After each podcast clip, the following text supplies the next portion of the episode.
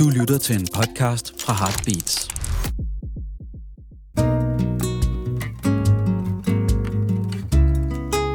Banæs er dyrenes konge kan produceres takket være min sponsor Hello Fresh.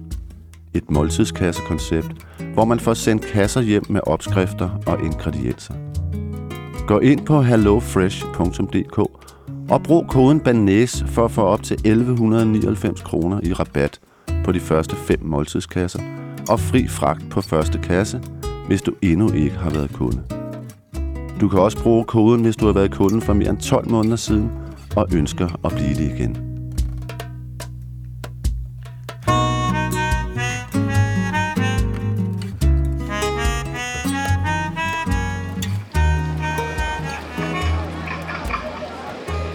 Lyden af springvand.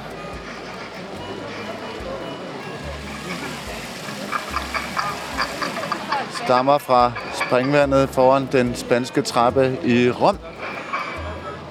Og jeg kan derfor sige velkommen til Bernes er dyrenes konge. Endnu en udsendelse herfra. Fra Berneses venneby Rom. De andre vennebyer er jo Aarhus og Mexico City. I dag skal jeg ud og tale med en gammel Bernes-ven. Nemlig Eva Ravnbøl, som har været med her før. Hun har lige lavet en ny kogebog, som opsamler alt det allerbedste fra hendes snart 35 år i Rom. Guds eget køkken hedder den. Og ud fra den bog vil jeg gerne tale med Eva om alle de regler, der er i Rom. Alle de regler, der er for, hvordan man lever ordentligt.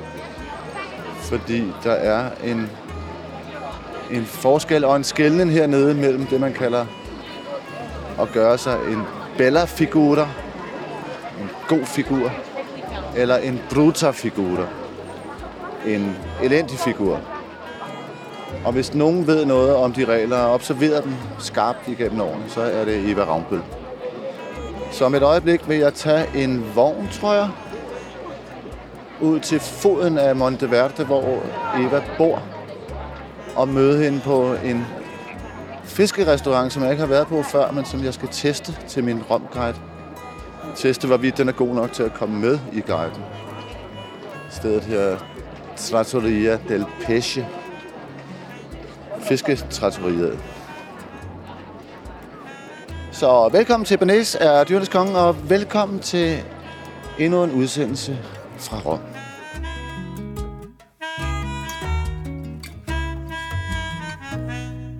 Okay, nu, nu, nu kører vi. Eva, øh, vi er ved at foretage en ordre her på restauranten, som er fuldstændig øh, ulovlig. Hvorfor? Altså, vi sidder på en øh, fiskerestaurant, og øh, jeg har lige sagt, at jeg gerne vil undvære pasta. Altså, hvad er det, jeg er ved at gøre forkert nu? Det er jo i sig selv sådan lidt en øh, farlig udmelding, vil jeg sige. Jeg vil gerne undvære pasta. Det er sådan en dårlig øh, score-replik inde i en restaurant. Ikke fordi du skal score mig, men score restauranten. Ja. Øhm, så ja, altså det er jo selvfølgelig lovligt, men det er jo ikke sådan helt kommet for. Altså det er jo, det er jo ikke sådan den mest bella figur at gøre og sige, at man ikke vil have pasta, men til frokost kan det godt gå an. Og i det hele taget må man gerne altså undvære alle de øh, elementer, der er i et traditionelt måltid, som jo er antipasti, primo, secondo og dolce. Man må godt nøjes med to, men man må aldrig komme ind på en restaurant og kun tage én ting. Altså ikke kun en portion pasta, eller kun antipasti, eller kun en secondo. Nej, men det jeg altid har tænkt, jeg ved godt, man skal have de her fire retter, ikke? men jeg tænker nogle gange, kan, det, kan man ikke kompensere ved, hvis man så tager rigtig mange, øh, nu er der for eksempel meget øh, rå fiske, som jeg elsker, ikke? og hvis man så tager tre-fire rå fiskeretter, kan det så ikke på en måde undskylde, at man springer pastaretten over? Ikke rigtigt. Okay. du? altså, man kan gøre et forsøg, og, øh, og regningen kan jo sagtens øh, blive interessant nok for, for restauranten alligevel, men man vil nok blive alligevel sådan stemplet lidt som en, der ikke helt har forstået, når man spiser et helt rigtigt måltid. Men alligevel kan jeg fornemme, at du er åben for, at vi går imod øh, reglerne her. Altså, fordi du måske heller ikke har så meget brug for at spise pasta nu, som du har for at spise fisk, eller, eller hvad? Det er rigtigt, men det, det sagde jeg, inden du tændte mikrofonen. det er jo ikke sådan noget, jeg gerne vil være ved. Men øhm, ja, jeg tror godt, altså man kan jo sådan prøve at charme sig til nogle andre løsninger end de klassiske. Det skal man altid huske, at hvis man sådan beder om noget andet end det forventes, eller i det hele taget, hvis man ikke opfører sig ligesom alle andre, så kan man øh, prøve at smile, mens man prøver og bede om at få, øh, få en anderledes øh, servering eller en anderledes behandling. Og så er det også okay. Altså nu joker jeg selvfølgelig lidt.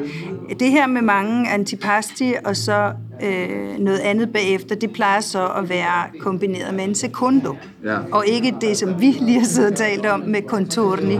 Altså det der med at først at tage antipasti, og så noget tilbehør til en secundo. Det er altså, vi er sådan lige ude og vende det. Det er godt, at vi ikke kender dem særlig godt, dem, dem vi er hos i dag. Vi har også den mulighed, at vi kan altså, blive ved vores øh, første plan om at tale de her antipasti. Og så kunne vi tage og dele en fisk til secundo, og så springe pasta ind over. Og så de der contorni, vi godt vil have, uh, cicoria og scarola. Hvad siger du til det? Jo, det lyder godt, synes jeg, men jeg skal lige sige til dem, der ikke måtte vide det, at contorni er tilbehør, kan man sige. Ikke? Det vil sige, man jo typisk får, hvis man bestiller fisk så får man en fisk. Og så skal man have noget til, og det køber man så ekstra. Nemlig. Altså det er jo det, der er meget kendetegnende ved det, kendetegnende ved det italienske køkken. Det er, at hver ting til sin tid, og hver ting på sin tallerken.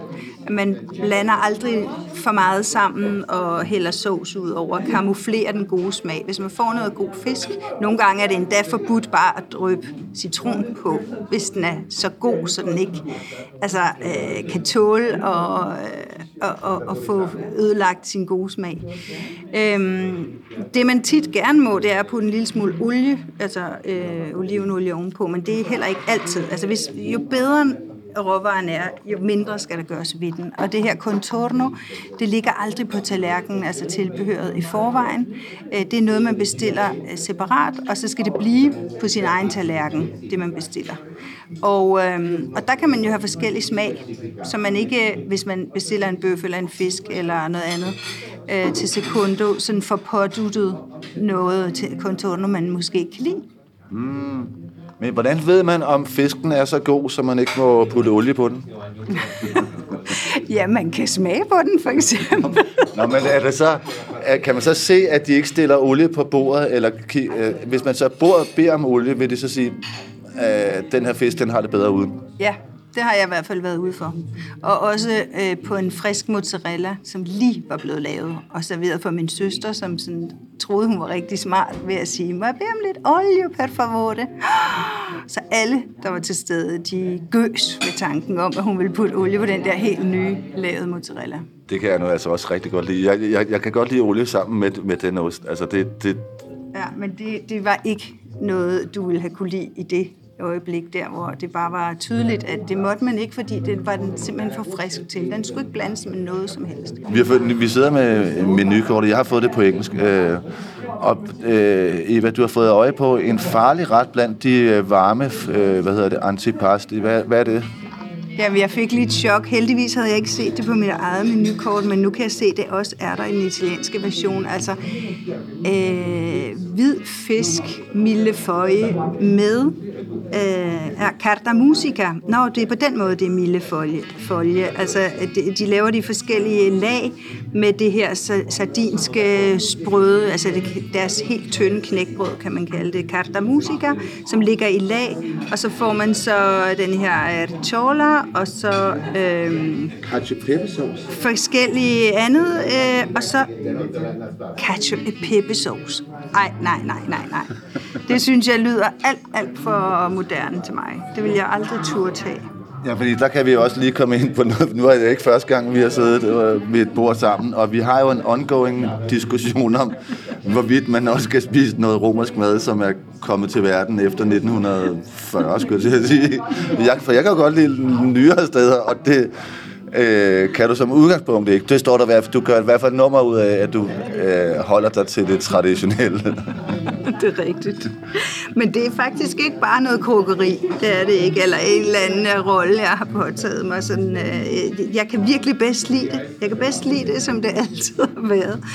Og, og jeg, jeg, jeg går fuldkommen øh, ind for... Øh, for den der teori, som mange af de andre traditionalister, der findes, øh, siger, det har også noget at gøre med, øh, at øh, der er noget smag og noget konsistens og nogle oplevelser og noget, noget, noget mad, som minder en om gode gamle dage og, og gode stunder.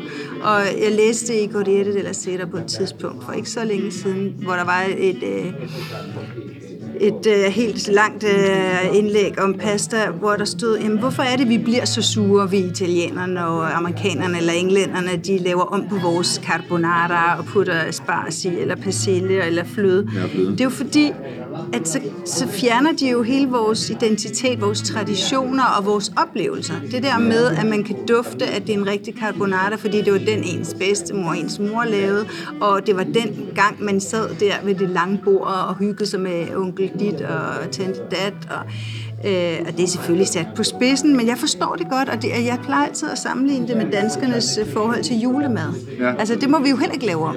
Italienerne holder jo bare så jul 365 dage om året, kan man sige. Ja, det er faktisk en virkelig god sammenligning, synes jeg, fordi det er du da ret i. Der, der er jo ikke nogen, der kunne drømme om at spise noget tøj. Ja, det er der selvfølgelig nok, men ikke særlig mange. Meget, meget få, der kunne drømme om at spise andet end øh, typisk and eller flæskesteg jul, ikke? Og det er jo rigtigt, det gør de jo simpelthen her altid. Det er jo simpelthen, fordi de, de kunne ikke drømme om at lave noget som helst om, nogen som helst dage. Altså, det er jo virkelig, det er, det er, det er jo helt rigtigt. Men så er der jo så alligevel nogen, der gør det, og du kender jo mange af dem, fordi du er jo en af dem, der jager rundt, byen rundt for at finde nogle af de her øh, ja. øh, moderne steder. Og det er også meget sjovt. Jeg synes også, det er sjovt, men jeg synes bare, det ender altid med, at jeg synes, der ser smartere ud, og der er også en god vibe tit, nogle af de der mere øh, cool steder. Men jeg synes næsten aldrig, at maden lever op til, til det. Nu, og her, hvor vi er nu, det, det er ikke så smart, som dem, jeg sidder lige og taler om nu. Altså nogle af de der... Øhm... Men, ja, hvornår har du egentlig sidst været på et sted, som ikke lavede traditionel mad? Jeg gætter på, at du skal tænke dig længere om. Lad sluk lige, mens jeg tænker. øhm, jamen, jeg var ude i... Øhm, Garbatella for ja. nogle måneder siden, hvor jeg faktisk skrev til dig, ah, jeg har fundet et sted, der lige er, er noget for dig. Det hedder Tre di tutto. Ah. Tre af hver. Ja, Tre af hver ting. Og så skrev du tilbage, jeg kender det, og den er med i min nye bog. Ja. Og det tænker jeg, det var sgu meget øh, øh, flot fundet. Øh, der synes jeg, der var vildt cool. Altså, virkelig fedt sted. Mm. Og øh, jeg havde nogle venner med derude, og vi hyggede os. Og, og jeg kan jo godt lide at være sådan et sted, hvor der ikke er så trattoria-agtigt nogle gange. Men maden kan jeg, jeg kan overhovedet ikke huske, hvad jeg fik, for det, gav, det gjorde ikke indtryk på mig overhovedet. Der var, det var ikke specielt dårligt, men det var heller ikke sådan noget, hvor man tænker, jeg skal tilbage for at spise det der igen. Nej, men det er, derude, det er, sådan, det er barn, som man kommer for. Og så fordi ja. det ligger på sådan en enorm hyggelig plads. Det ligger så ja, godt. Og Garbatella, det er virkelig et dejligt område, synes jeg. Ja. Det har, vi har virkelig noget. Det er sådan et gammelt øh, romersk arbejderkvarter, men, men med virkelig hyggelige øh, bygninger, huse og sådan nogle fælles gårdhaver. Og, øhm, der er slet ikke sådan noget øh, moderne højhusbyggeri, som der er i nogle andre øh, forsteder. Eller forsteder, det er det her ikke. Det er en, et kvarter i, i, i rum. Ikke? Men øhm, jeg kan godt lide at komme derud, og der er faktisk masser af restauranter, både traditionelle og også lidt øh, hippe. Så det, der er på den bydel, øh, er også, at de har en, øh, altså den er bundet sammen af sådan nogle grønne pladser, hvor, hvor folk rent faktisk mødes hver aften, så man kan, når man cykler igennem det om aftenen, så står, altså, så er der alt fra børn, der spiller fodbold, til el gamle, der så sidder på bænker og taler om gamle dage, og man har, eller har virkelig på fornemmelsen, at tingene hænger godt sammen derude. Altså, de har det det, det, det ser enormt hyggeligt ud og super velfungerende, ikke? Helt klart, det er også mit indtryk. Øh, jeg har en veninde, der bor derude, Og øh, altså, når man er fra Garbatella, så elsker man det virkelig. Mm. Øh, hun taler altid så pænt om det, og jeg har også øh, været derude mange gange, og øh, jeg synes også, at der er helt klart den der landsbystemning. Der er også andre kvarterer i Rom, jo også til Staccio, synes jeg også har lidt af det. At der er bedstemøder, folk, der leger, børn, der leger på piazzaerne. Øh, men derude, der er der jo sådan nærmest ingen turister. Mm.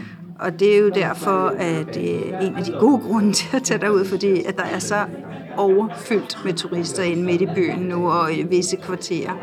Så man snart, synes jeg, altså, at burde føle sig tvunget til at tage ud nogle andre steder, når man er hernede på ferie, fordi ellers så kommer man bare ind i de der store klynger mennesker, der går rundt. Jeg synes, det er ved at tage overhånd, faktisk. Men er det blevet værre, siden du flyttede herned? Du flyttede herned for snart 35 år siden, passer det?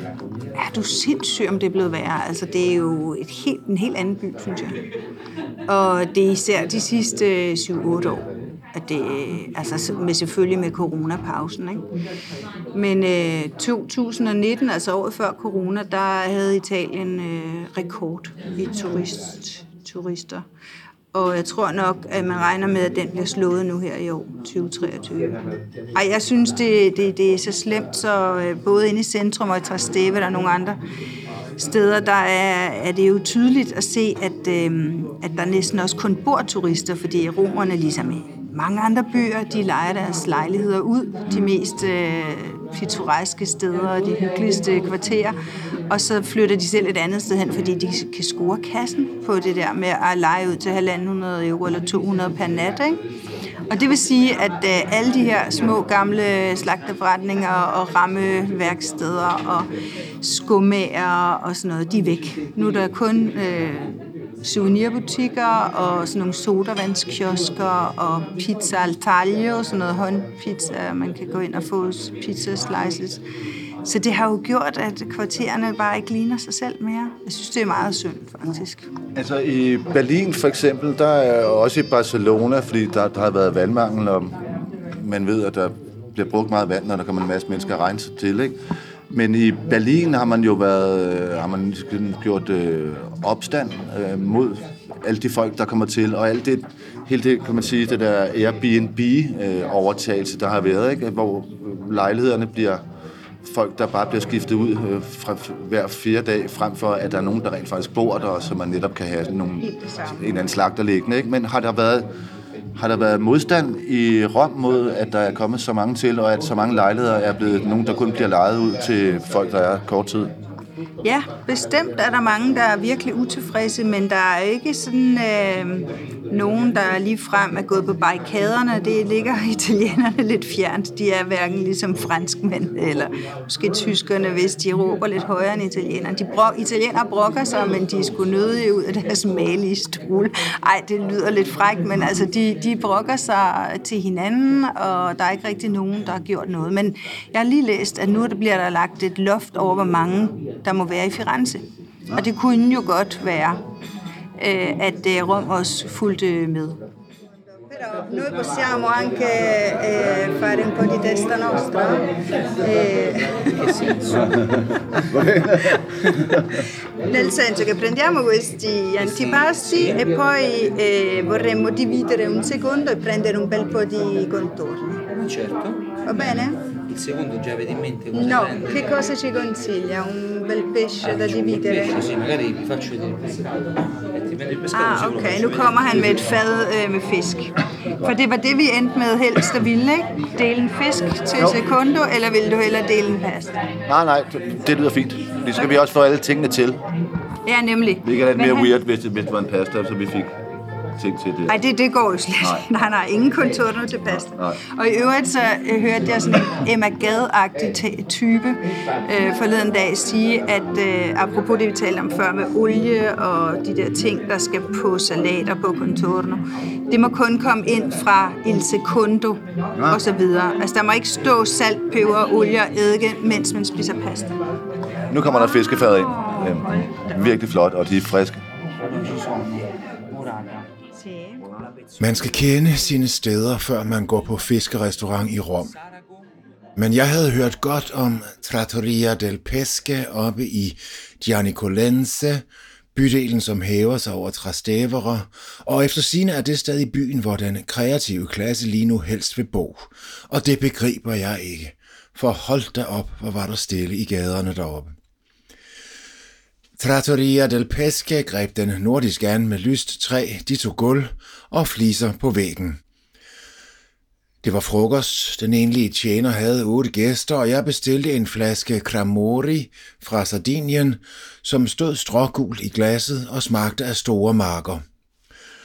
De kørte en jazzet spilleliste, eller hvad jeg vil betegne som moderne røvballe, rart og ufarligt. Der var noget akademisk over stemningen, og jeg skulle tage meget fejl, om man ikke kunne tale en forlagskontrakt på plads derinde. Vi bestilte et udbud af alle deres rå fiskeretter til 25 euro per person og fik en smuk opsats. Man havde gjort sig umage med at tilføre hver fisk et lille twist og smagt til med tørret appelsin, pistagenødder fra Bronte på Sicilien og olier og eddike'r til tun, havbars, reje og red snapper, og i det hele taget omhu og smuk eksekvering. Derefter bestilte vi dagens fisk. Vi valgte alsale, saltindbagt, og fik en saftig hvid fisk med to upåklagelige contorni, henholdsvis rosmarinkartofler fra ovnen, og den formidable lokale chicoria, en blanding af kål og spinat til 6 euro stykket. Jeg sidder med en bog foran mig, som er en bog, du udgiver nu, der hedder Guds eget køkken. Jeg har lige fået den mellem hænderne. Så hvad er det for en bog, jeg har haft mellem hænderne? Det er en bog, som både indeholder en masse opskrifter på fortrinsvis traditionelle retter. Der er nogle ganske få undtagelser. Øhm, og så er det også en bog, der indeholder lidt anekdoter om mit madliv i Italien, som som har fyldt meget. Øh, min første kæreste, jeg fik, da jeg kom herned i 80'erne, han var kok. Og nummer to, som jeg har børn med, han var vinhandler. Var din første kæreste en god kok? Ja, han var ikke sådan en øh, fin kok, men han var rigtig god til at lave mad. Han var meget ung, altså vi var 19, da vi mødte hinanden. Der var han lige blevet færdig på sådan noget øh, Albergiera skole, ved, sådan noget øh, grund, grundhotel og kokkeskole. Du var 19. Kunne du lave mad? Overhovedet ikke. Nej, jeg var heller ikke specielt interesseret i det. Jeg fik øh, al min mad øh, glæde her i Italien, faktisk. Var det så ham, der havde styr på, og altså, viste han så dig øh, de traditionelle retter, og sådan noget? Lavede han dem til dig derhjemme? Ja, eller på sine restauranter. Oh, ja. altså, lige da jeg mødte ham, der arbejdede han for nogle andre. Øh, men så købte øh, hans familie en restaurant, som jeg så også arbejdede lidt på, der hed Corallo inde bag ved Piazza Navona. Ja. Og så købte de nummer to over i Testaccio, der hed La Bugia, som jeg også fik noget med at gøre. Så nej, vi var mest på restaurant og spise enten deres eller nogle andres restauranter. Men nej, nej, han lavede også mad hjemme, og, og jeg boede, jeg flyttede ind i hans familie, da min veninde og jeg, vi var færdige med at bo øh, i den lejlighed, vi havde fået lov at fremleje i tre måneder i Trastevere, så flyttede vi hjem til henholdsvis Alessandro og Fulvio. Okay. Alessandro boede øh, langt væk fra centrum, ude i noget, der hedder Anagnina, på vej ud til Frascati og de der byer ude ved bjergene. Og han boede sammen med sin mor og søster og kusine. Og de tog imod mig, og jeg blev sådan en del af den der familie meget hurtigt. Og lærte også resten af familien at kende, og fandt ud af, at det var meget vigtigt, at man spiste søndagsfrokost sammen med hele familien. Så der kom også øh, onklerne, Tio Alvaro og Tio Gennaro, og, og der blev lavet meget mad hjemme i den familie. Okay. Hvilket indblik fik du i den romerske øh, restaurantdrift? Fordi du må have været tæt på det, når du arbejdede der, og han havde sit eget sted, eller sine egne steder, ikke? Jamen, øh, jeg kom der meget tæt på, og det, øh, det, altså det der sted, øh, hvor han arbejdede, som, og hvor de senere overtog det Corallo inden... Øh, bag Piazza Navona ligger i sådan en af de der små charmerende gyder derinde mellem øh, Piazza del Figo og Via Governo Vecchio. Så jeg blev også sådan en del af hele det der liv, der var derinde dengang med skøre landsbytosser og øh, folk, der sad om formiddagen ude på gaden og ordnede grøntsager til de forskellige restauranter, der lå der. Og jeg kendte dem, der solgte undertøj hen på hjørnet og renseridamen. Og, så jeg var sådan meget en del af hele det der. Øh, men nu spurgte du så mest til maden, men nu, nu fik jeg så alligevel... Altså, mine tanker går mere tilbage på stedet og alle personerne og jo, men jeg lærte, øh, jeg lærte øh, at sætte pris på, på god mad, og, og at det skulle gøres på en bestemt måde. Jo. Men jeg, jeg tænker også mere altså sådan rent praktisk, fordi nu ved jeg, at for eksempel i Danmark er det forholdsvis svært at tjene penge alene på at lave mad. Altså det er jo vinen, som restauranten tjener pengene på. Hvordan er det hernede? Er det lettere at tjene penge på at drive restaurant, eller kan det lade sig gøre at leve af at have en restaurant her lettere end måske det kan derhjemme? Ja, det tror jeg. Øhm, men det er heller ikke nemt her. Og jeg kender mange restauratører stadigvæk. Det er stadigvæk sådan en, en branche, jeg er tæt på. Og øh, de har da virkelig problemer. I øjeblikket har de problemer med at skaffe personale, ligesom de ja. har i resten af Europa. Men øh, dengang var det ikke noget problem, men øh, de knoklede de arbejdede simpelthen så meget. Det gør de stadigvæk. Og, og, og det er også det, der, der sådan er ved nu at clashe med de unges øh, behov og måde at øh, se deres fremtid på. Altså indtil nu, der er stadig mange traditionelle restauranter i, øh, i øh, Rom, hvor der arbejdes seks dage om ugen. Og så holder de den der ene lukkedag, selvom det ikke er obligatorisk mere. Men så skal man holde en dag lukket, fordi ellers så, de kan ikke finde ud af åbenbart at lave de her turnusordninger. Så så ved man bare, at personalet har fri, for eksempel om mandagen, det er tit om mandagen. Men alle de andre dage, der knokler de jo til frokost, så har de nogle timer fri midt på dagen, og så eller på om eftermiddagen, og så starter de igen om aftenen. Og, øh, og det er et slid uden lige. Og så kan de godt leve af det, hvis de, øh, hvis de har mange kunder i butikken, hvis de har mange gæster. Og jeg kender der nogen, der lever fedt af det, men det er ved at betale en tårnhøj pris, synes jeg. Altså, i Danmark har der været sådan øh, her for nylig øh, mere snak om hvad, med tonen øh, på restauranter. Altså, som jo tidligere var øh, meget maskulin drevet og meget hierarkisk. Det er den jo stadigvæk på de fleste steder. Men også kunne være grov, og folk arbejdede gratis, og der var dårlige forhold. Øh, har du på fornemmelsen, at er tonen også blevet forbedret hernede? Det mener jeg, den er hjemme, tør jeg godt sige. Hvordan er det her? Altså taler man taler chefkokken godt til sin underordnede, mm. tror du? Hvis jeg skal være helt ærlig, så tror jeg, at der er mange restauranter, hvor der godt kan være en ret hæftig tone. Øhm, nogle af dem, jeg kommer meget på, øh, der bliver der faktisk skændtes for meget til min smag. Øh, til gengæld har jeg en rigtig god veninde, der har to restauranter, hvor hun gør meget ud af, at de skal være glade, dem der er der. Og hun er en af dem nu, der har været nødt til at lave nogle kontrakter på tre og fire dage om ugen til de unge, hun ansætter, fordi de vil simpelthen ikke arbejde flere dage om ugen end det. De laver en lille smule sorte penge, fordi ellers siger de, at det kan slet ikke altså, lade sig gøre ellers at få det hele til at løbe rundt, fordi de siger, at de betaler så utrolig meget skat. Altså, det må jeg indrømme, det er altså min, min opfattelse. Jeg nogle gange, når der har været krise i verden efter finanskrisen, for eksempel, var jeg hernede efter krakket der i 2008-9 stykker, var jeg hernede, og jeg lagde mærke til, at jeg tænkte, det ser ud som om, de har det meget godt at sætte om hele verden. Og hvor jeg så tænker, hvordan kan det være, at det ser ud som om, det hele fungerer som det altid Og så tænker jeg, det kan jo være, fordi der findes en økonomi, der ikke er sådan øh, til at få øje på. Så officielt, så det gør noget. Det er jo ligesom Berlusconi. Jeg ved ikke, om du har andet til fælles med men han sagde, øh, netop under finanskrisen. Jeg forstår ikke, hvad det er for folk, de jamrer sådan over, fordi jeg ser alle mulige restauranter rundt omkring, der er helt fulde af mennesker. Ja, ja. så det var også den måde, han så på, at der ikke var nogen krise i Italien.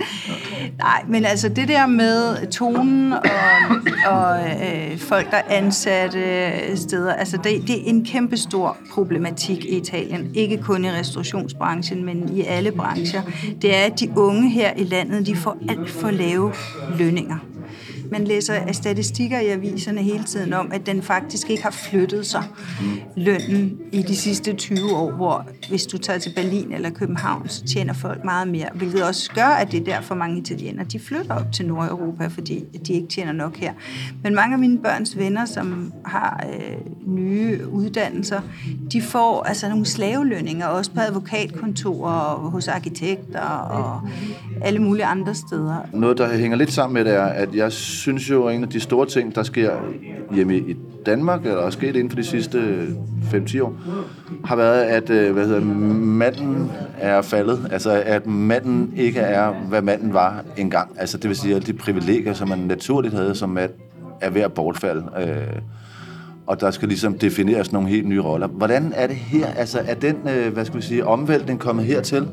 Ja, men ikke øh, med samme kraft som i Danmark. Nej. Der er en, også en stor MeToo-bølge hernede, og øh, der er mange, der bliver fornærmet, hvis de bliver tiltalt forkert. Men der er det så ret sjovt, at i Danmark bliver øh, lærere, hvis de er kvinder, jo sure, hvis de bliver kaldt lærerinder, og sanger for sangerinder. Men her, der bliver de sure omvendt. Altså her vil de have den kvindelige betegnelse. Mm. Så for eksempel var der ikke rigtig noget, der hed en kvindelig borgmester, før vi fik en i Rom. Det hedder un sindako. Og så blev hun til sindaka. Selvom det faktisk altså sådan, ikke fandtes i ordbogen, så ville hun kaldes sindaka. Og øhm, altså, ja, når man går til læge, og det er en kvinde, så siger man dottoressa, og ikke dottore.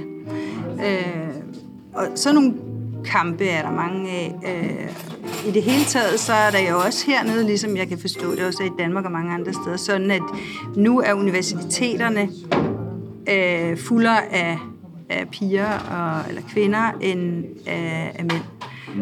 Øhm, så de, generationer, der er altså unge nu, og selvfølgelig endnu mere dem, der kommer, altså der kommer det til, til at blive sådan, tror jeg. jeg tror, altså udviklingen er den samme. Hvis du går ud og spiser med en, en mandlig ven, som du kender fra tennisklubben, et eller andet, øh, I skal spise frokost sammen, hvem betaler så regningen? Det gør han. Mm, men det er nok også fordi, at jeg er i 50'erne. Men mine børn, som er henholdsvis 25 og 28, de siger, at øh, det er blevet nu sådan helt... Øh... Ej, min datter, som er den yngste, altså 25, og som i øjeblikket dater ret meget, fordi hun, er, hun og hendes kæreste gik for hinanden for et halvt år siden. Øh, hun siger, at det er tit, at det er ham, der betaler første gang og kommer og henter og sådan noget. Men så øh, enten anden eller tredje gang, så øh, begynder hun at betale, og så, øh, og så skiftes de. I din bog er en masse regler, og det kan jeg virkelig godt lide. Jeg elsker de regler, som jeg synes, du er rigtig god til at, at, at, at kommunikere om alle de regler, der findes hernede i Rom. Og inden midt i din bog er der nogle lyserøde sider, eller de grå sider i øh, Hesse Steppeulven, så er der her nogle lyserøde sider, som hedder pastaloven. Og der er så øh, otte paragrafer. Der er faktisk flere. Otte lov, når der er flere. Der er 15. Ja. Der er 15 pastalove. Skal vi ikke lige prøve at tale om nogle af de pastalove, der er? Tænker, der er 15. Det er alligevel mange, synes jeg. Og det er kun et lille udsnit, kan man sige. Jeg kunne godt have lavet flere. Første lov. Pasta er en selvstændig ret, en såkaldt primo, altså første del af hovedmåltidet, aldrig tilbehør. Altså det der med, at man kan være ude for i kantiner i Danmark og se sådan et stort fad med bare pasta, sådan bare kogt og ganske tit overkogt, og måske også lidt undersaltet, ligge som sådan noget, man så skulle tage op ved siden af sin øh, hovedret, eller Nej. sin et eller andet, altså du ved, i stedet for kartofler. Det er fuldstændig, som øh, jeg også skriver i loven her, que horrore, sagde en veninde.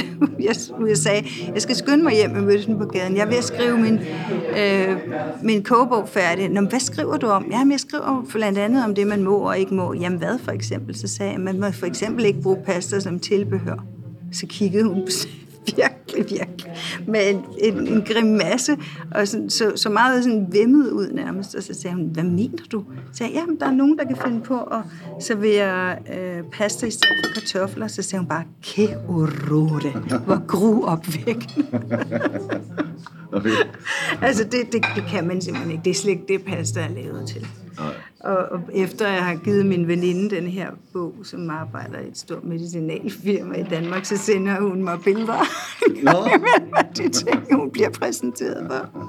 I øvrigt så er der også flere af læserne af den her bog med alle de her, wow, ser det flot ud, det vi får. Der er flere læserne, som øh, agerer pastapoliti, fordi der er jo alle de her regler. Og så skriver de, Eva, vi var i Bologna i går, og vi så nogle franskmænd overtræde pastaloven to gange. De puttede parmesan på muslingepasta, og de skar spaghettien ud i små dele. Så nu har jeg sådan helt mit eget lille politikorps, der pibler rundt i Italien. Nu kommer der mad ind her. Det ser virkelig elegant ud, det her. det er de rå fisk. Ja. Og så er vi nogle grillede. Nej, nu er vi nødt til at få jo. La pezzogna Se. con eh, la menta e il caglia alla vaniglia. Tartar di tonno rosso lime. Carpaccio di gamberi rossi con arancio candito e pistacchio di bronte. Qui c'è lo scorfano con la pera e il timo al limone. Tartar di ricciola con agrumi e pomodorino disidratato. E gobbetto che è un crostaceo con eh, limone candito e mandorle. Quindi quello col cacio e pepe non c'è. No, per questo fa parte dei crudi. Meno male. no, perché quello è il caldo, i crudi invece non c'è. Prego. Grazie. Nå, okay, det var heldigt. Den var ikke med. Nej. For den var jo ikke med til Kludi. Den var jo med til de, de varme. Men det ser udsøgt ud, og jeg lagde mærke til, at øh, pistasnødderne var fra Bronze øh, på øh, det sicilianske øh, spidskompetente sted. For Det lagde jeg også mærke. Det skal pistachio være i øjeblikket fra Bronte. Ja. Ja. Nu skal vi lige lidt videre med øh, pastaloven af de 15 paragrafer. Ikke? Vi har kun nået den første. Hvad er den anden? Der står, pasta blandes. Det der med, at man skal blande sugoen, eller sovsen, eller tilbehør, eller hvad vi nu skal kalde det. Altså det, man laver pastaen sammen med, skal blandes sammen med med det samme, og ikke serveres i to forskellige skåle. Mm. Altså en pastaskål og en sugo-skål. Det er også fuldkommen forkert. Okay. Og så er det smart at lade være med at vente helt til, der er gået de minutter, der står på pastapakken. Altså man tager pastaen med enten sådan en hulske, eller på en eller anden måde med lidt pastavand op i sugoen. Og så blander man det sammen på panden, og så kan det blive serveret. Og Så det laver sig selv færdigt nede i sovsen, kan man sige. Ja, nemlig, fordi der er jo sådan noget stivelse i pastavandet, som kommer med også. Og så bliver det lidt cremet, uden man behøver at putte hverken smør eller fløde i, som de jo ikke bryder sig om, i hvert fald her i Rom. Det gør de længere nordpå i Italien, men her, for eksempel til e pepe og carbonara, som er romerske pastaretter, der er fløde og smør total no-go. Jeg vil ikke sige hvor, men jeg har hørt om et sted i København, hvor de putter smør i e pepe, og jeg kender en, der var nødt til at sige op, da han opdagede det. Ej, det er jo nemlig meget fristende, fordi det kan jo nemmere blive lidt cremet af det. Ja. Men hvis du er rigtig god til at lave e pepe, så skal det ikke i, fordi det giver jo en helt anden smag, når du putter lidt smør i også, ikke? De gange, jeg har prøvet på at lave det, det er simpelthen blevet så dårligt, som en øh, familie grinede mig ud af køkkenet. altså, jeg har simpelthen ikke fundet, øh, jeg har ikke fundet nøglen til at lave cacio e pepe, som er en, jeg skal lige sige, en meget enkel pastaret med pecorino-ost og peber og kogevand. Ja. ja. og kogevand, ikke? Og det, det er jo også det, alle siger, øh, der er forstand på de dele, at øh, de simpleste, enkleste retter, det er de sværeste. Mm. Jeg tænker altid lidt på det, det var ligesom at klippe pagehår, som jeg prøvede at gøre på mine veninder, og de prøvede at gøre på mig. Vi havde sådan noget nemt hår, synes vi, så det måtte være nemt at klippe det i øh, 70'erne og 80'erne, men det var det så ikke. Øh, det er faktisk sværere end øh, hvis man har krøller, eller man skal lave en ret, hvor der er mange ingredienser, fordi det, det er bare nemmere. Alge, olie og peperoncino, som også er en meget øh, elsket og nem og skøn ret, den er også virkelig svær at lave. Og det er kun olie og chili. olie og chili. Og der, der gælder det altså også om at få spaghettien over på panden ret tidligt, altså hvor den meget, er meget al dente, og så skal den så køre rundt på panden sammen med chili og hvidløg og noget kogevand. Og så skal der lige lidt et drøs persille på til sidst. Øh, det, er, det er frivilligt i øvrigt. Øh, mm, og det er heller ikke det sværeste. Det sværeste er jo lige at finde den der balance, så den hverken bliver for tør eller for våd. Og det samme med cashew pepe. Men faktisk... Øh, i øh, løbet af, af tilblivelsen af den her bog, der lærte jeg nogle tricks, som jeg ikke kendte før. For eksempel cacio pepe. Øh, der er nemlig også nogle restauranter med i bogen her, og der er en restaurant, der hedder Il Cortile, hvor jeg var og lave pastaprogrammer i 90'erne. Øh, I 96 nærmere betegnet. Hvor der er et sådan stort familiebillede, der hænger inde i restaurant, hvor jeg også er med dengang. Øh, og så står faren, der er tre generationer, og faren står fire generationer faktisk.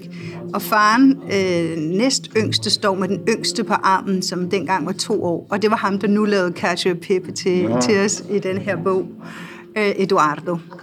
Og han sagde, de bruger øh, tonarelli, som er sådan frisk pasta, sådan nogle tynde fettuccine, kan man sige. Eller tyk spaghetti, kan man ikke eller tykke spaghetti. Jo, men, det, jo, men spaghetti er jo aldrig frisk pasta. Nej. Derfor er det svært at sammenligne det. Men firkantet, tykke spaghetti, eller konsistensen minder mere om fettuccine, fordi det er er også frisk lavet. Ikke? Men de, øh, pastaen bliver så puttet, øh, selvfølgelig kogt i noget øh, spilkogende saltvand, og så tager han det så, tager, tager så han, han bruger en balje, det var ikke særlig fotogent, sådan en orange plastikbalje, og der putter han så olie og peber i. Og så kommer så pastaen over i den her balje, hvor den stadig er meget al dente. Og så kører han den rundt, sådan så den lige øh, mister nogle grader. Altså temperaturen skal sænkes. Kun med, altså kun med olie og peber? Ja. Olie og peber, sådan så den ikke klistrer sammen, men at den får sig sådan en, en, en rundtur i baljen med en stor stegegaffel. Og han kører den, kører den rundt, og så, øh, så er den så faldet lige øh, i temperatur, så den kan tåle at få peber, øh, osten ned over sig, uden at den sådan bliver, øh, uden at den koagulerer, eller hvad man kan sige, Ja. ja. uden at den bliver størknet, Ja. uden at den størkner. Og, øhm, og han bruger også meget pastavand, så man lige putter sådan lidt ekstra i, og sådan noget, også når osten er kommet på. Og, og så en masse peber og ekstra ost til sidst, og så serverer han det på en pæn porcelænstallerken. Ah. Ja, det, var, det, det virkede øh, utrolig nemt. Jeg har, altså ikke, jeg har ikke prøvet det efter. Men jeg tror, det var et godt, øh, et godt tip. Det der med, altså hvis du putter osten, og det samme gælder med æg i carbonara. Hvis du putter æggen, ægget ovenpå skoldhed pasta, Ja, så koger så bliver det jo røræg. ikke? Ja, ja, det tror jeg. Ja. Og skal vi lige tage nogle af de sjoveste... Øh, vi kan ikke love alle de her pasta-paragrafer. Nej. Der er jo 15, det er jo en... Øh, jeg synes selv en uh, ting, som er kommet bag på mange, øh, det er paragraf 12. Brug aldrig kyllingekød i en pastaret. Gerne gris, okse, kalv, fisk, skalddyr, men absolut ikke kylling. Der er ingen officiel forklaring. Det skal man i det hele taget sjældent søge. Det her er udenadslære, og det må man forstå. Ja, det, det, findes bare ikke. Simpelthen ikke. Nej. Det var jo egentlig bare en konstatering fra min side, at øh, man ikke blander kylling og pasta. Det har jeg bare altid vidst, men jeg har ikke tænkt over, om der var en grund. Og det er der ikke sådan en officiel grund til. Men jeg har alligevel talt med en del madmennesker og kokke og restauratører og folk, jeg kender, der er gode til at lave mad. Og jeg har spurgt, hvordan kan det egentlig være, tror I? Og, og det, de alle sammen mere eller mindre har svaret, er, at kylling ikke smager noget i sig selv rigtigt. Øh, så hvis du bare putter sådan nogle kyllingestykker ned i noget pasta, så, så, så, så tilfører den ikke øh, en masse god smag, som for eksempel øh, bacon eller bacon-lignende ting i Italien, pancetta, guanciale, eller oksekød for den sags skyld, med noget fedt i. Der er jo næsten ikke noget fedt i kylling. Mm. Der, det, det, kylling kan jo smage super godt, men det er jo, når man har gjort en masse ved den. Det smager jo ikke af noget særligt i sig selv. Nej, kødet er ikke nogen særlig smag. Nej. Nej, det er rigtigt. Og det må, det må nok være det, der er grunden. Men, men det, der er ikke nogen, der sådan vil skrive under på, at det er det, der er grunden. Det passer bare slet ikke sammen, så det skal man bare lade være med. Hvordan er det nu, man, øh, man laver kylling hernede i Rom? Hvordan er det nu, den romerske kylling er? Der er noget, der hedder pollo alla romana, mm. som er med øh, tomatsauce, kyllingestykker. Man går ind til slagteren hernede og siger, jeg vil gerne have en pollo a pezzi, en kylling skåret i stykker. Så spørger de, skal det være 12 stykker, eller hvor mange stykker? Og jeg siger altid 12. Og der kan man lave mange ting. Der kan man lave pollo alla romana med tomatsauce. Nogle putter også peberfrugter i, men det har jeg aldrig helt forstået, om det så er alla romana. Der må jeg lige blive der svar skyldig, eller det kun er tomatsauce. Øhm, og så er der pollo alla cacciatora. Ja, det er den, jeg altid hører. Ja, den elsker jeg. Det er jægerens kylling, hvor der er lidt eddike og hvidvin og rosmarin og kapers øh, i. Måske også lidt oliven, det tror jeg er frivilligt. Ja, det er det. Og den er en bianco. Altså alt, hvad der ikke har tomat i, hedder en bianco. Og det gælder både pizza og pasta og kødretter. Mangi in bianco, altså una pizza in bianco, det er uden tomatsauce. Pasta in bianco. Pasta in bianco, hvis det bare er sådan noget helt plain, hvor man bare putter enten lidt olie og parmesan på, eller lidt smør og parmesan, det spiser man, når man er syg. Pasta in bianco, og helst noget pastina, altså pasta suppe in bianco. Sådan noget småt, sådan nogle små stjerner, altså pasta stjerner. Det er alle børn, hvis de har lidt ondt i maven, så skal de spise en bianco. Det, det, ja, det er så pragtfuldt, der er sådan nogle regler, så, der- så er der ikke nogen tvivl. det skal være skide godt. Det, jeg siger det stadigvæk til mine børn i 20'erne. Så ej, jeg havde det så dårligt i går. Jeg tror, vi fik noget rigtig dårlig mad et eller andet sted, street food et eller andet. Så sagde jeg, så husk at spise en bianco i dag, siger jeg stadigvæk. Der er måske ikke en historie. Jeg er ikke sikker på, om man vil kunne forske til at se god på den, på den regel.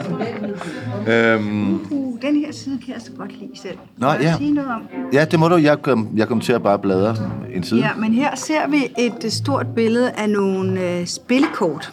Nogle italienske spillekort. Og de fleste almindelige kortspil her i Italien, de bliver spillet med de her spil. Spillekort, hvor der er en ørn, og der er nogle øh, køller, og nogle, øh, øh, hvad hedder sådan nogle trofæer. Og nogle, der er også nogle kongelige typer her. Men de ligner slet ikke vores spillekort. Og der spiller man øh, forskellige spil, briscola, tresette for eksempel hedder de. Og grunden til, at der i en kogebog er en hel side, der kun viser de her spillekort, det er fordi, at der er noget, der hedder en spaghettata. Og det er sådan noget, man, spi- øh, man spiser, altså en omgang spaghetti betyder det. Skal vi lave en spaghettata? Det er sådan lidt uden for almindelige spisetider. Ah. Faktisk er det den mest almindelige spaghettata, det er la spaghettata di mezzanotte. Midnatsspaghetti. Og det er, når man er mange venner, der for eksempel sidder og spiller kort, så siger man, ej, nu er vi lidt sultne, vi laver en spaghettata. Og det som er det, man har derhjemme. Og det kan være alge, olie og peperoncino, som alle har derhjemme. Olie og hvidløg og, øh, og chili. Eller det kan være penne eller arrabbiata, øh, som er sådan en meget stærk tomatsauce, men sådan helt plain. Hvis du bare har nogle dåstomater og noget chili og et, et hvidløg, så kan du lave penne eller arrabbiata. Og selvfølgelig nogle penne. Men det har alle jo. Øhm, så det her fænomen spaghettata, det synes jeg var vigtigt at få med i den her bog, fordi det, det er noget, alle generationer elsker. Sådan en spaghettata, også om sommeren for eksempel, hvis man nu kan have overholdt de almindelige spisetider, som folk ellers er meget, er meget gode til at overholde. Eva, den øh, kogebog, du har lavet, det er jo sådan lidt mere, det er jo lidt mere en kogebog, fordi den handler jo også om dit liv med mad, og dermed også om dit liv. Og du har involveret mennesker i bogen, som har været vigtige i dit liv. Altså folk, der er tæt på dig. Men prøv lige at fortælle, så har du også nogle kokke med? Altså, Jeg har også nogle kokke med, og nogle restauranter, som jeg har spist på utallige gange her i Rom. Og så har jeg min grønthandler med, og min fiskehandler, og mine børn, og nogle af mine bedste venner, som er rigtig gode til at lave mad, og som kan nogle specialiteter, og nogen, som øh, jeg har ja, siddet til bords med rigtig mange gange. Så, så jeg synes, det kunne være... Altså, det var det, der var ideen med bogen. Det var selvfølgelig at at give øh, folk nogle opskrifter, men også at give dem noget stemning. og, og, og nu har vi lige slået op på et opslag her, hvor der står Da Teo, og det er jo en restaurant, der ligger ret tæt på, hvor vi sidder her. Når du så øh, røber, at du er kommet der meget, og du bruger to sider på den, så er du, udsætter du restauranten for at blive overrendt af alle mulige danskere, som læser den her kogebog. Det ved jeg, men det er kalkuleret risiko. Wow. Quattro piatti. Sì, grazie. Det er fisken vist frem. Ja, det så godt ud, den der saltfisk der. Ja, øh, jeg ved det godt. Det er, det er, hvad der kan ske, og øh, der kommer i forvejen ret mange.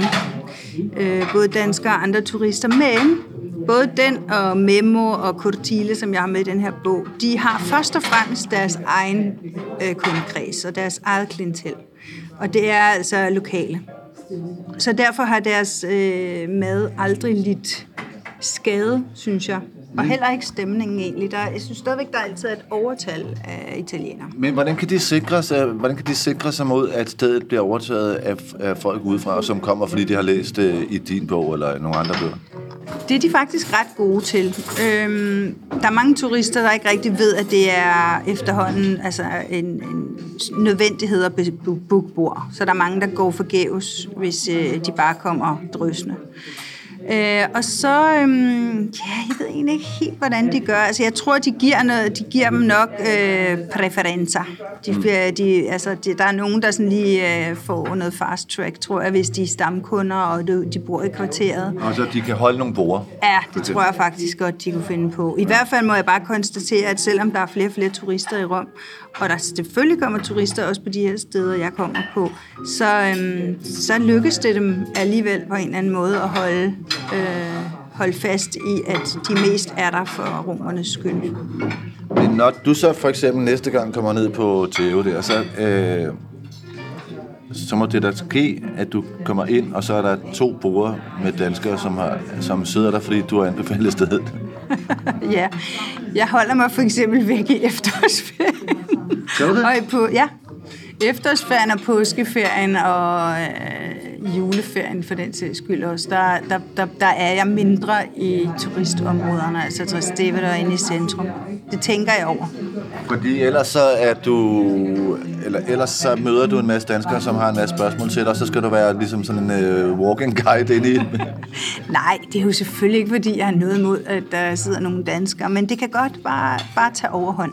Mm. Altså, og det er jo det samme, hvis jeg er i nogle andre byer. Øh, altså, altså, man har bare ikke lyst til, at det er flest turister, der sidder ligegyldigt, hvor man spiser.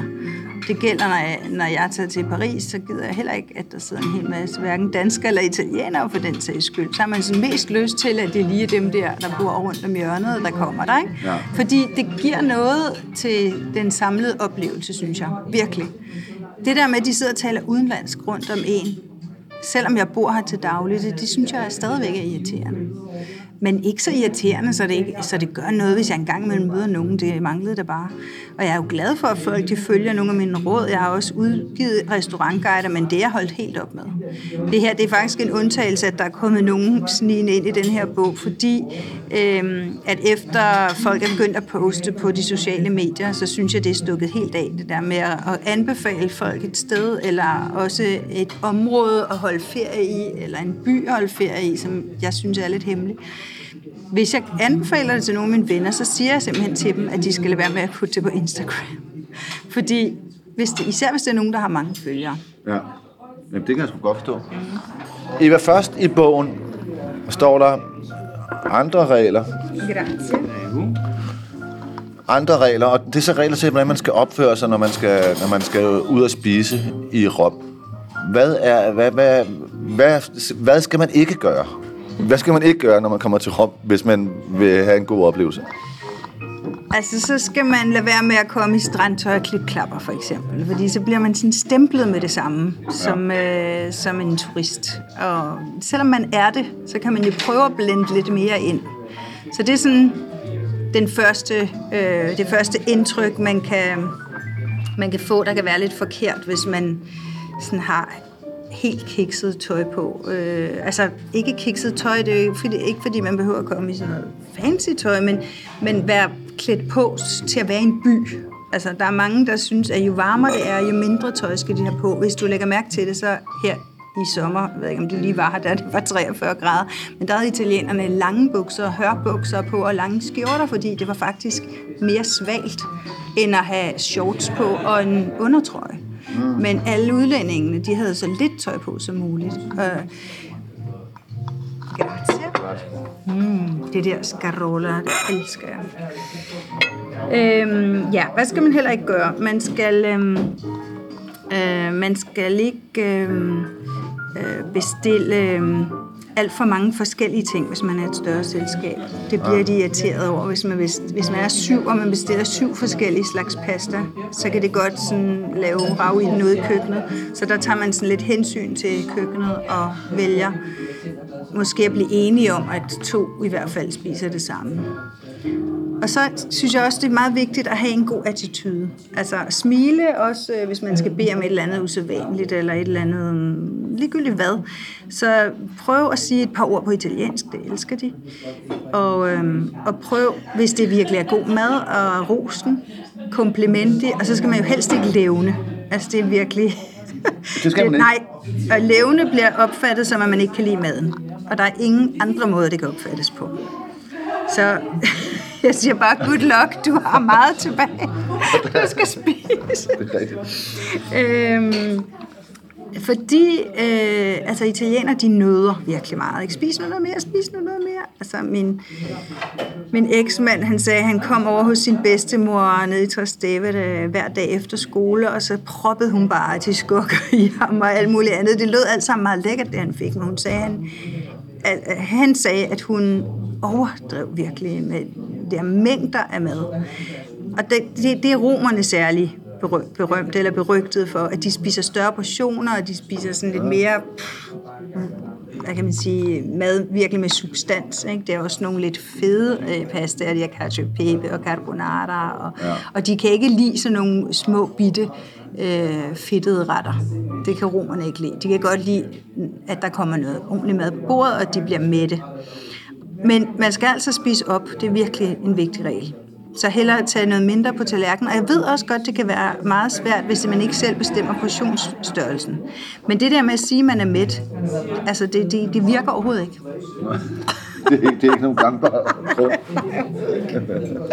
Simpelthen overhovedet ikke. Jeg har prøvet det altså tusindvis af gange. Så non ce la faccio più. Jeg kan desværre ikke. Det smagte utrolig godt.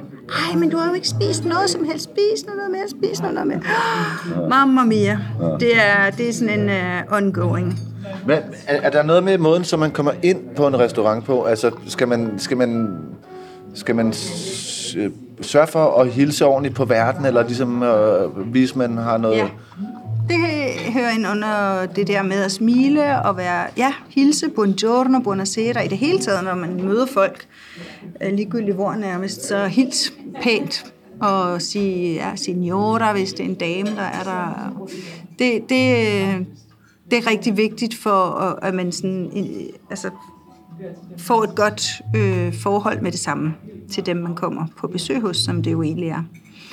Og per favore, altså det samme som please, som vi jo ikke rigtig har på dansk. Mm. Det kommer man også rigtig langt med. Per favore må vi bede om menukort, eller per favore. Det, altså, italienere beder jo ikke om menukort. Øh, medmindre man er på sådan nogle steder, hvor det er en særlig menu. På de almindelige trattorier, der står de jo og remser det hele op. Og det er kun turister, der får menukort. Men altså, eftersom de jo remser det op som regel kun på italiensk, så er man jo sådan lidt dårligt stillet, hvis man øh, ikke forstår italiensk. Men det var noget, som jeg var flere år om at forstå det der. Hvorfor de gad at stå og remse det hele op ja. foran alle kunderne, i stedet for at give os det der skaldede menukort. Men, øh, men sådan er det. Der, på, på ens stamsted og på de mest traditionelle trattorier, der er det no-go at have et menukort. Og så er det også, det, det, det kan også godt gå galt med et menukort, fordi der som regel er nogle retter på, som ikke er det, de er bedst til at lave på det sted. Så hvis man kommer der fast, så ved man, hvad man skal undgå. Der er også nogle ting, man skal undgå, hvis man ikke er helt sikker på, at det er frisk, det de har.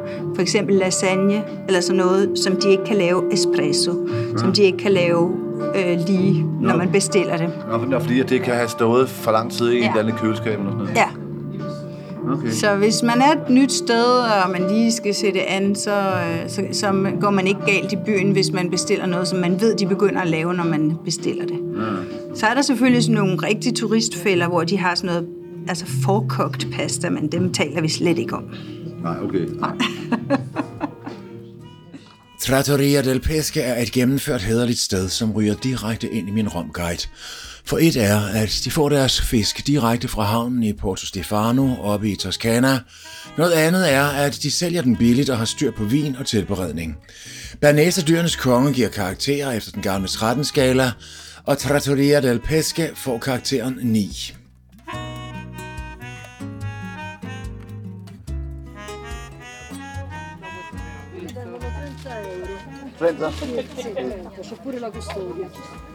Jeg har fundet et par gamle Ray-Ban-briller på. Det hemmelige loppemarked bag Piazza del Popolo. Hvor den romerske overklasse fra bydelen Pardioli sælger deres Louis Vuitton-task og sølv og fyldepinde og solbriller. Og det interessante ved det her marked er egentlig ikke øh, så meget ting, der bliver solgt. Det er at, at kigge på hele scenariet her. De, de fleste boder bliver drevet eller passet af, af overklassefruer, som sidder småsure med deres store læber og kæderyr smøger. Så her fra det hemmelige marked vil jeg gerne sige tak for denne uge. Vi høres ved i næste uge.